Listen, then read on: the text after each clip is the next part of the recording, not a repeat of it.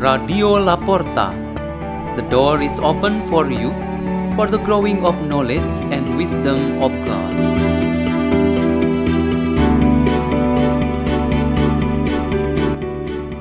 Delivered by Adam and Marsha from the Church of Santa Maria Ratu, Block Q in Jakarta, Indonesia.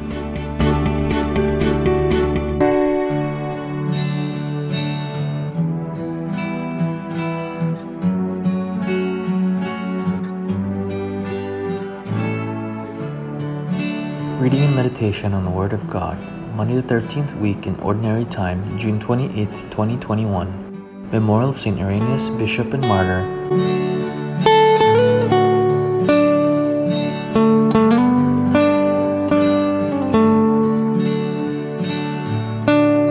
The reading is taken from the Holy Gospel according to Matthew.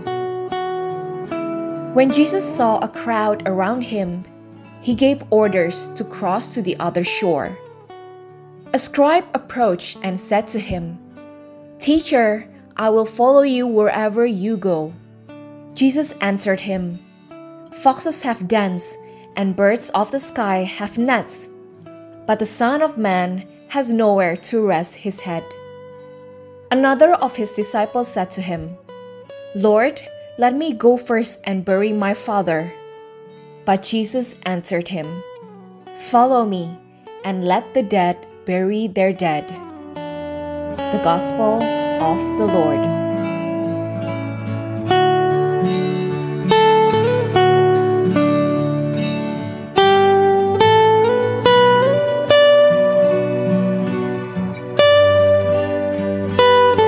The theme for our reflection today is A Place to Rest the Mind.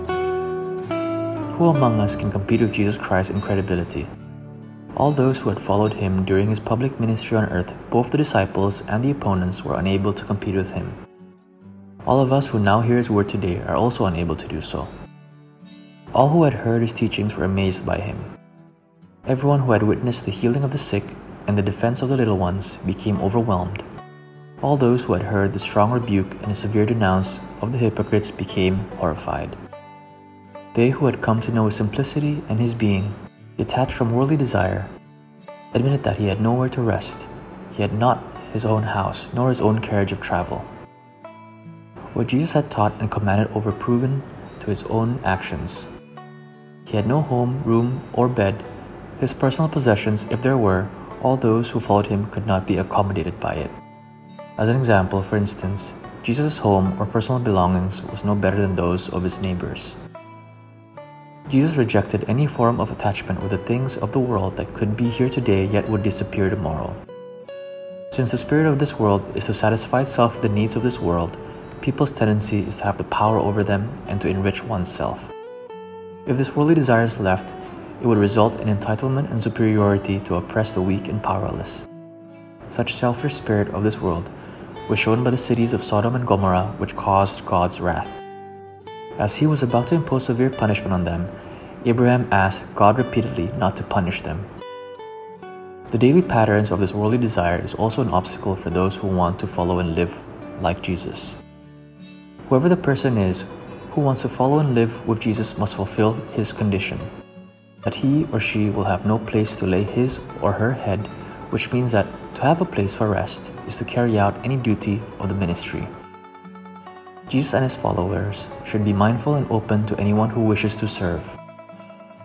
The Lord Jesus actually gives us an example of faithfulness in doing the will of the Almighty God.